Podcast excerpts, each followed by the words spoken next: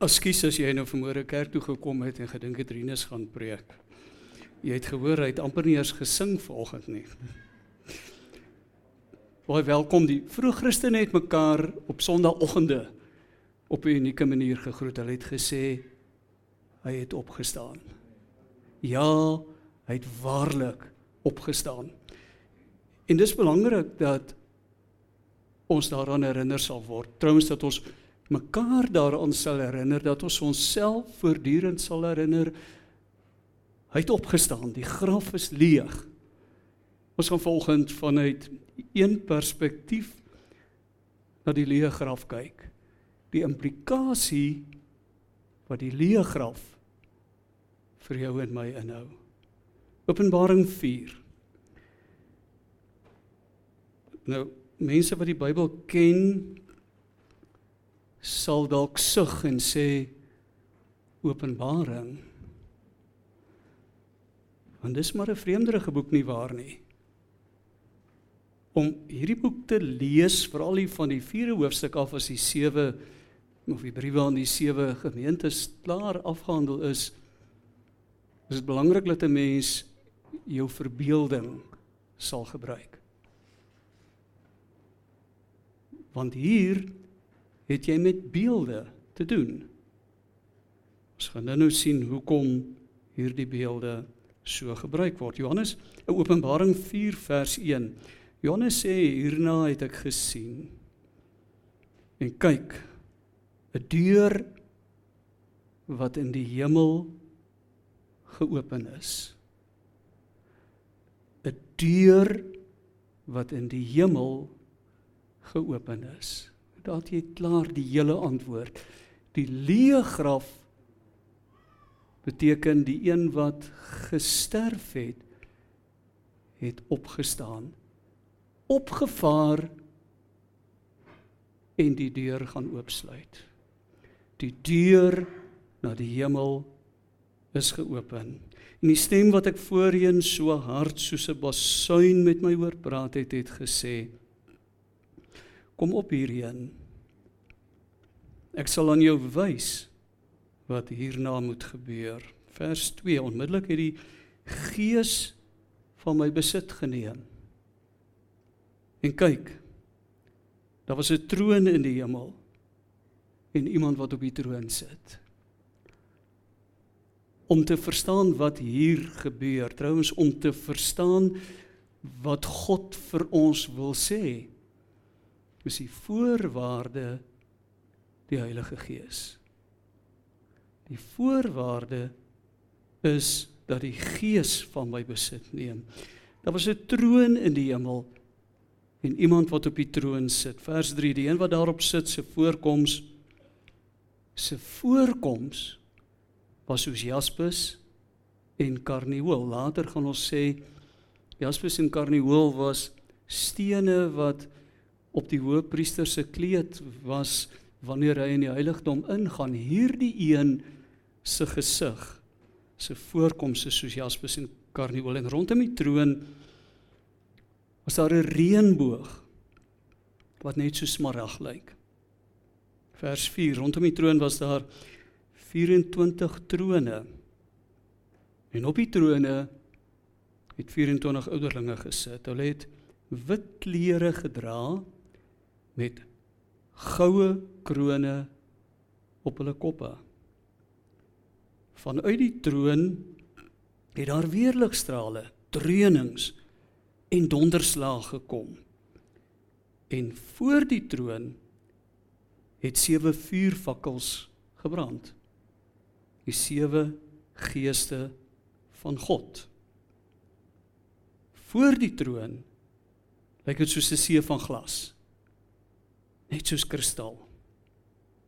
In die middel van die troon en rondom die troon staan daar vier lewende wesens vol oë aan die voorkant en agterkant. Die eerste lewende wese lyk net soos 'n leeu, dis vers 7. Tweede lewende wese net soos 'n kalf. Die derde lewende wese het 'n gesig net soos 'n mens. Die vierde lewende wese lyk net soos 'n arend wat vlieg.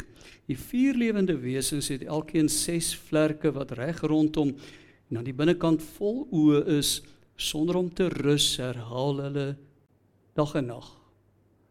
Heilig, heilig, heilig. Is die Here God, die almagtige. Hy wat was en wat is en wat kom. En telkens wanneer die lewende wesens heerlikheid en eer en dank bring aan hom wat op die troon sit, aan hom wat vir ewig en ewig leef, val die 24 ouderlinge in aanbidding neer voor hom wat op die troon sit. Hulle aanbid hom wat vir ewig en ewig leef. En sit dan hulle krones voor die troon neer terwyl hulle sê: U is waardig ons Here en God.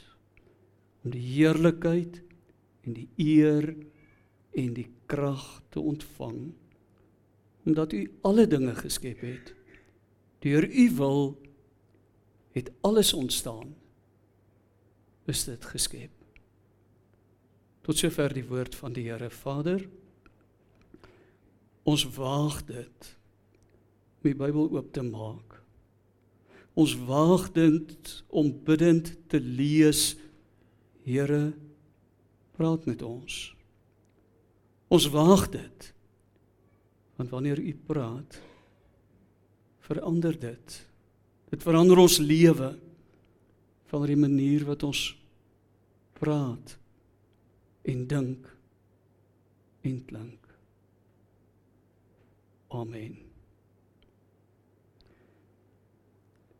Ek dink daar's 'n goeie kans dat jy saam met die resultaat van navorsing in Suid-Afrika sal stem wat sê daar's 'n groot meerderheid Suid-Afrikaners onder wie 'n ongekende moedeloosheid voorkom. Baie Suid-Afrikaners het min vertroue in die toekoms. Wat het die kruis en die leë graf vir my en jou in Suid-Afrika te sê as ons gelowiges is?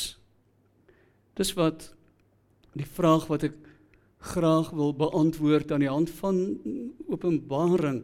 Die boek Openbaring is uniek in die Nuwe Testament. Dit is 'n moeilike boek om te lees want dit gebruik hierdie vreemde beelde ryk verwarrende beeldspraak. Um Johannes word genooi om agter die skerms te sien wat wat ek en jy nie kan sien nie en hy vind daar 'n ander werklikheid en om hierdie werklikheid te beskryf moet hy beelde gebruik. Ons gaan nou terugkom waar daardie beelde vandaan kom. Maar die doel van die vertelling en dis nou hier van hoofstuk 4 tot aan die einde van die boek is bloot om te sê hier's die werklikheid waarbinne jy leef. Die wêreld geskiedenis. Hier is 'n werklikheid wat jy as gelowige van kennis mag neem wat bepalend is vir wat hier op aarde gebeur. Jy en ek mag nie net weet wat die sin van die wêreldgeskiedenis is nie.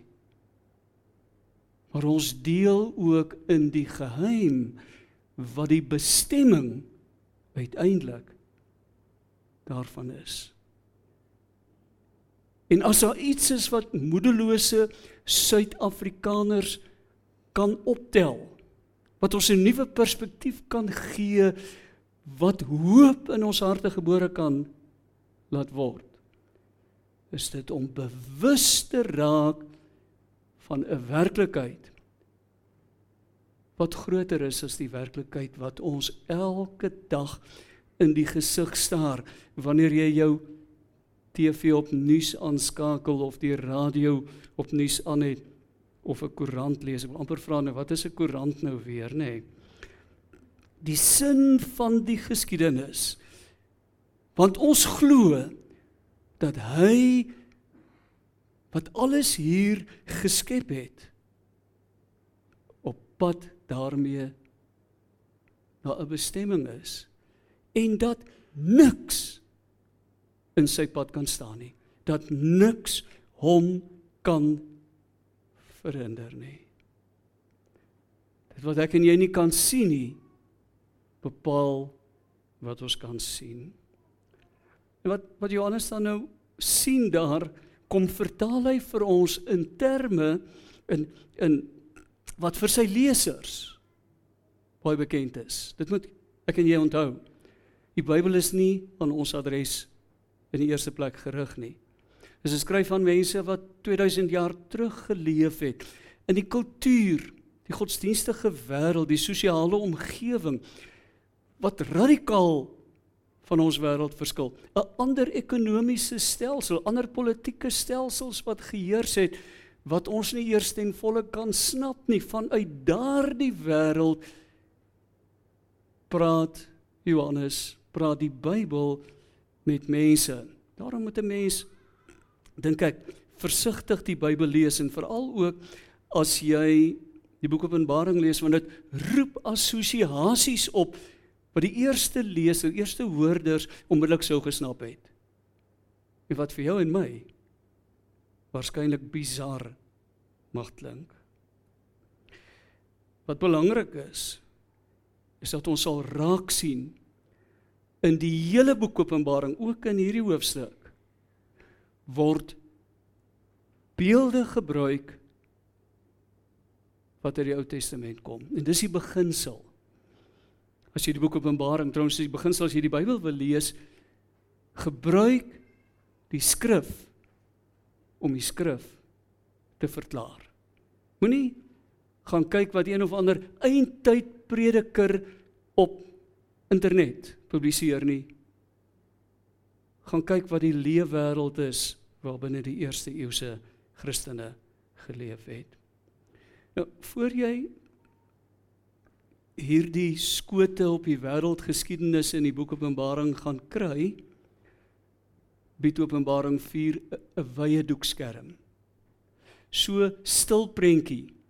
En al die karakters wat jy later in die boek gaan aantref met die uitsondering van een groep, die bose, maar hulle speel 'n belangrike rol in hierdie hoofstuk, kom in hierdie hoofstuk voor in hierdie wye doek van die aardse spelers.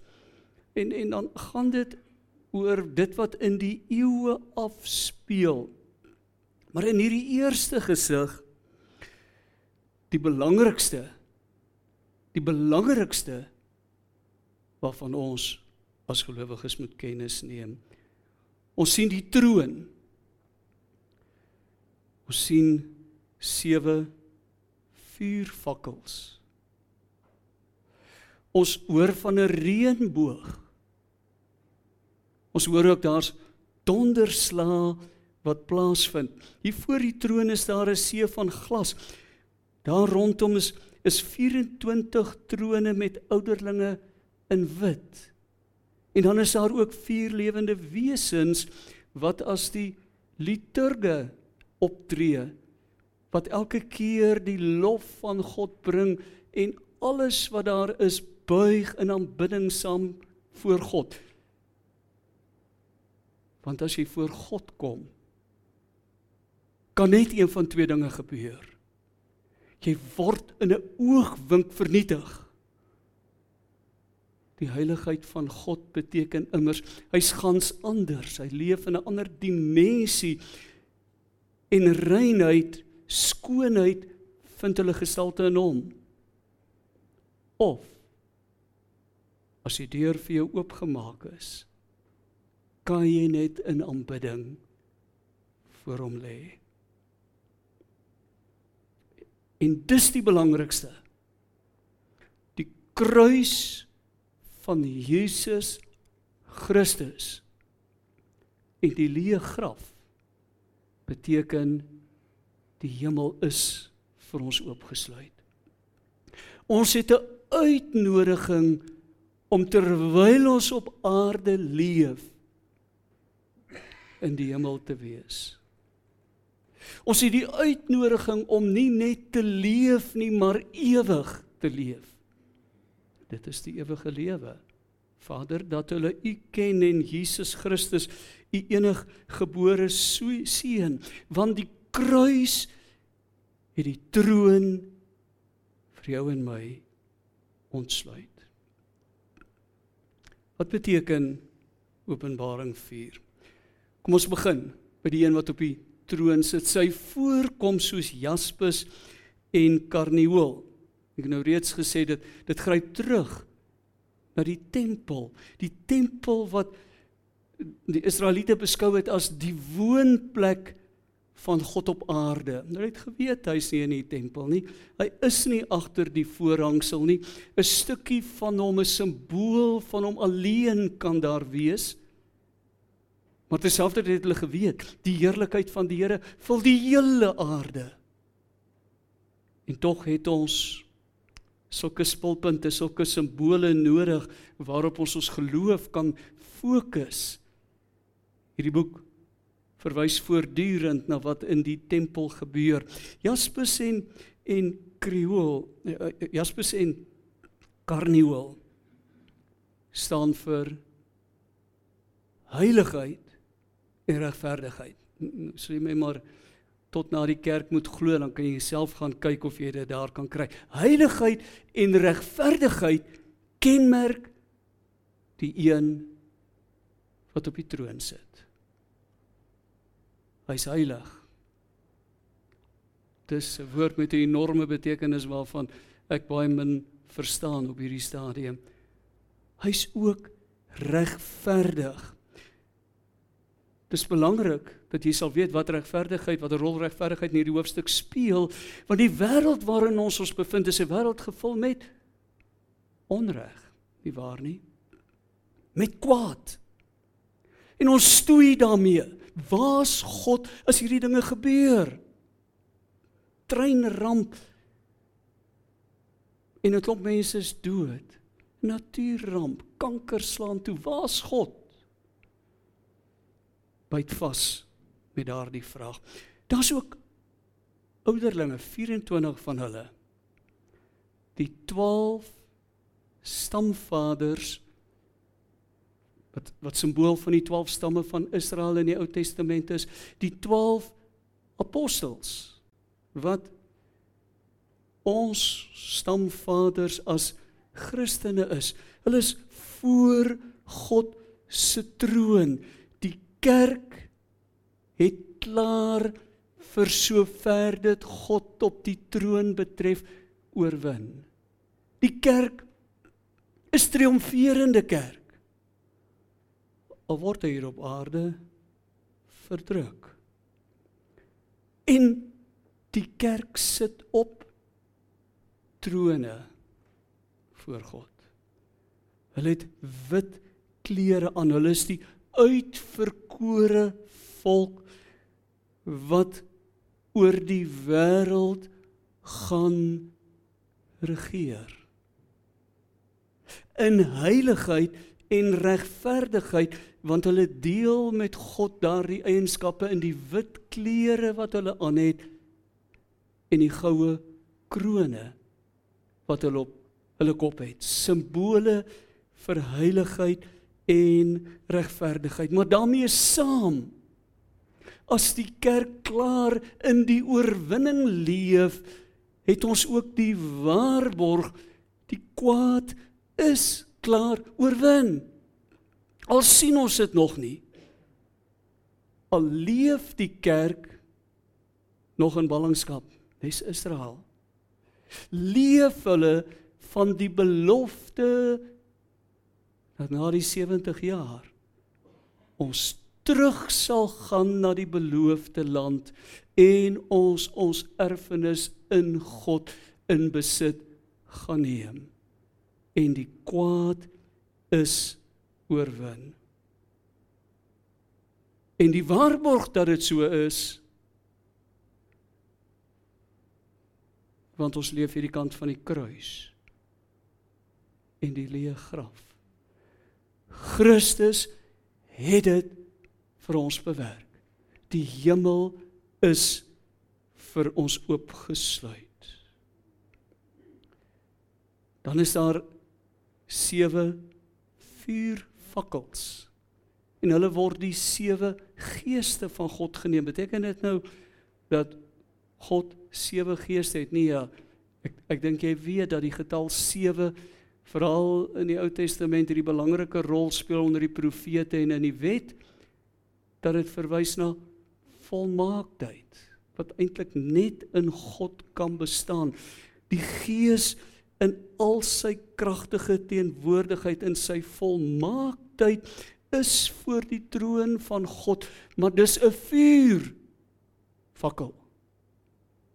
Want die Gees se primêre funksie terwyl ons hierdie kant van die graf is is om te brand. Om weg te brand uit jou en my lewe wat nie van God kom nie. Hy word die Heilige Gees genoem want hy maak ons heilig. Ons het verlede Sondag daarna verwys sy heiligende krag wat beskikbaar is vir elke gelowige wat sê Hier is ek, Here. Kom maak my heilig. Dan is daar donderslag. Trouens daar word drie woorde gebruik om om na die donderslag te verwys. En dit is die en nou moet mense ook verder in die boek gaan lees want elke male word dit weer gebruik. Dit is die gerig wat aangekondig word, die oordeel wat gevel word oor die kwaad en die goddeloses. Want God het nie vrede met kwaad en die skade wat dit op aarde aanrig nie. Dis waaroor dit hier gaan. Hy gaan die bose magte uitwis. Ons bid nie verniet in die ons Vader gebed dat u die bose sal kom hokslaan nie. Ons het die waarborg. Hy gaan dit doen. En dan is daar 'n reënboog bokant God. Waarna sou dit verwys? Ons gaan so ver terug as as dit wat die Bybel skets as die die ontstaan van die reënboog. Genesis 9 hier van die 12de vers af. As God die hele aarde met 'n vloed vernietig het, dan kom hy na Noag en hy sê ek beloof dat dit nooit weer sal gebeur nie. En die teken van my trou elke keer as jy die reënboog in die wolke sien. Hoekom is daar 'n reënboog wat oor God se troon staan?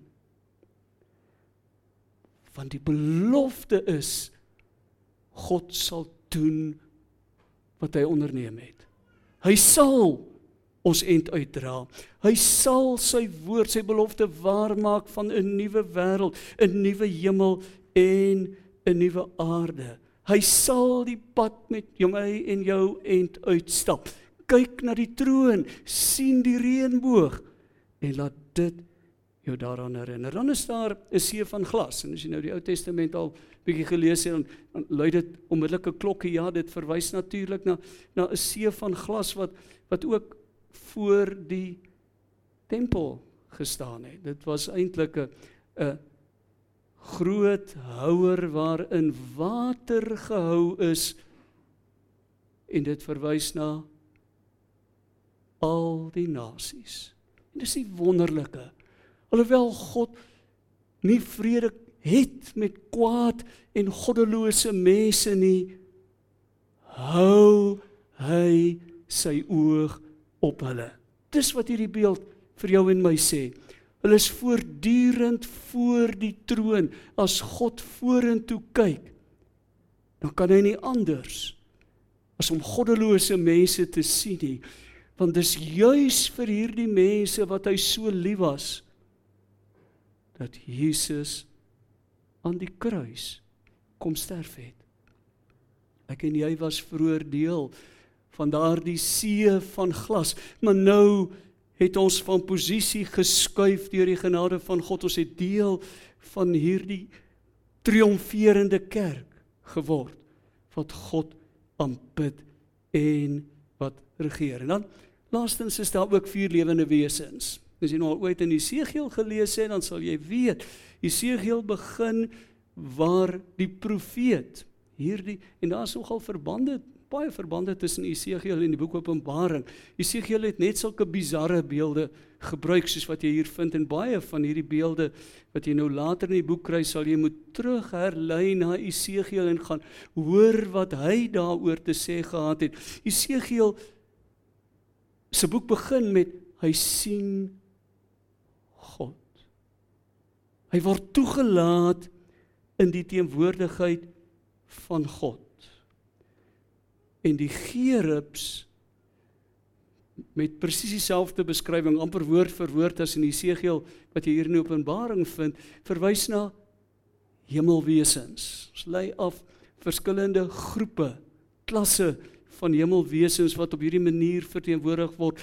En al wat die beeld vir jou wil sê is alles wat in God se wêreld is, leef in die lig van sy heerlikheid en aanbid hom. Hulle buig voor hom en hulle aanbid hom. Dis alles tekens van genade. Al die beelde in hierdie boek is tekens van genade dat die koninkryk sal aanbreek. Dat gelowiges gered sal word uit die wêreld waarin ons leef. Dat die nuwe wêreld sal kom dat Jesus op pad is om ons te kom haal. Dat God besig is om heel te maak, om te herskep. Al veroorsaak die politieke situasie in die land dat ek en jy dit dalk begin miskyk het al het dit wat in hierdie land gebeur ons aandag begin opneem. Ons mag nie vergeet nie. Evangelie word dag vir dag verkondig. Mense kom tot bekering. Kinders word opgevoed in die geloof. Ons mag nie toelaat dat die ware werklikheid, die bepalende werklikheid vir wat in ons wêreld gebeur oorskadu word deur die donker wolke van kwaad en onreg van staatskorrupsie en staatskaping ensovoorts nie. Maar ons moet weet dat oor ons geskiedenis 'n reënboog gespan is. 'n reënboog wat vertel dat God sal doen wat hy beloof het. Dat hy sy woord sal waarmaak en al word die kerk vervolg. Al word die kerk verdruk, is die kerk in wese reeds oorwinnende kerk. As jy die wêreldgeskiedenis wil verstaan, om jy kennis neem. Die donderslaa het klaar voor God opgeklink. Die bose sal kry wat hy verdien. Dis so goed asof dit klaar gebeur het. Moenie die wette van geskiedskrywing tot nou die dag nog het ons positivisme gebruik. Ons het gedink geskiedenis kan ons skryf presies soos dit gebeur het. Dit is net ons uitgevind my weergawe daarvan verskil radikaal van joune. Maar moenie die wette van geskiedskrywing gebruik as jy wil weet wat in hierdie wêreld gebeur het en wat nog gaan gebeur nie. Kyk na die ware werklikheid. Laat toe dat Jesus Christus jou deur sy gees na die troon van God neem deur die deur wat na die hemel geopen is en sien wat daar gebeur en jy sal moed kry vir die pad deur Suid-Afrika. Begin die reënboog raak sien in Suid-Afrika. sien dat die koninkryk kom, dat God selfs deur pandemies nou amper onmoontlik om te dink selfs die ANC regering sy werk kan doen. Konsentreer op die positiewe dinge. Daar's genoeg van hulle. Ook in ons eie lewe het ons nie vroeër gesing tel jou seëninge tel hulle een vir een begin raak sien hoeveel goed dat God aan jou doen anders medegelowige skree jy dalk vir die verloorspan en saam met hulle hardloop jy al vinniger teen die afdraande af ja Christene klink nie lekker in die kop nie. As hulle oor land en politiek, oor ekonomiese probleme praat, dan borrel hulle oor van hoop. Want hulle leef van 'n ander werklikheid. Hulle het die troon gesien. Hulle het die reënboog gesien. Hulle het die 24 ouderlinge gesien en die sewe vuurvakkels en die see van glas en die vier lewende wesens.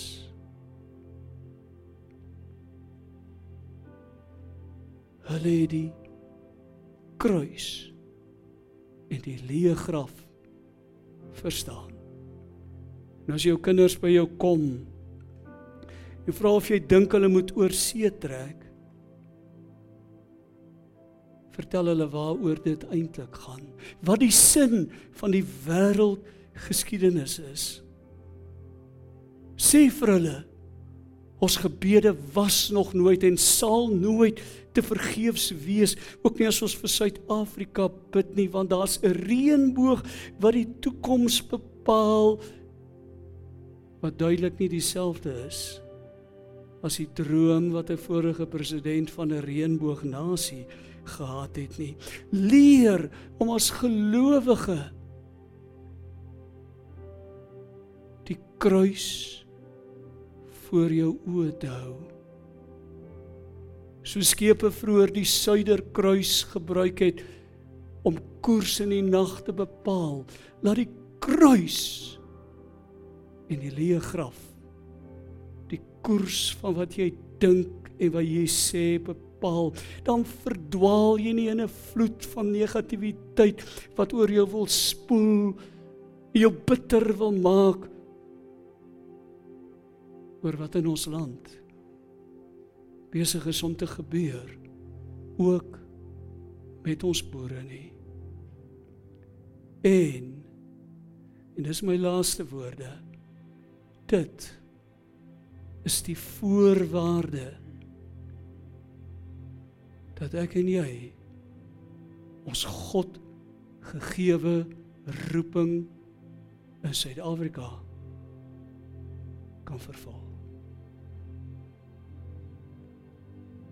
Here God, U het alles geskep. En U is op pad met hierdie wêreld. Die toekoms wat U vir ons in die oë het, is soveel anders dat ons sukkel om in hierdie wêreld iets daarvan te snap. Baie dankie dat ons hierdie kant van die kruis en die leë graf leef, dat die beloftes reeds begin waar word het. Maar baie dankie dat ons ook die waarborg het. Die res van die beloftes sal waar word. 'n Nuwe wêreld sal gebeur. God sal doen wat hy beloof het. Here, as ons uit die kerk uit stap, dank ons U, U woord verander ons harte. Ons kan nie weer dieselfde klink wanneer ons na die werklikheid kyk nie. Want daar's 'n ander werklikheid wat ons lewe bepaal. Skaduwee van die kruis. Die ruising van 'n grafsteen wat oop skuur het oor ons lewe geval. Ja, ons leef as mense met ons koppe reeds in die hemel wat vir ons oopgesluit is. Ons kyk gereeld na die troon. Ons het moed vir môre. Amen.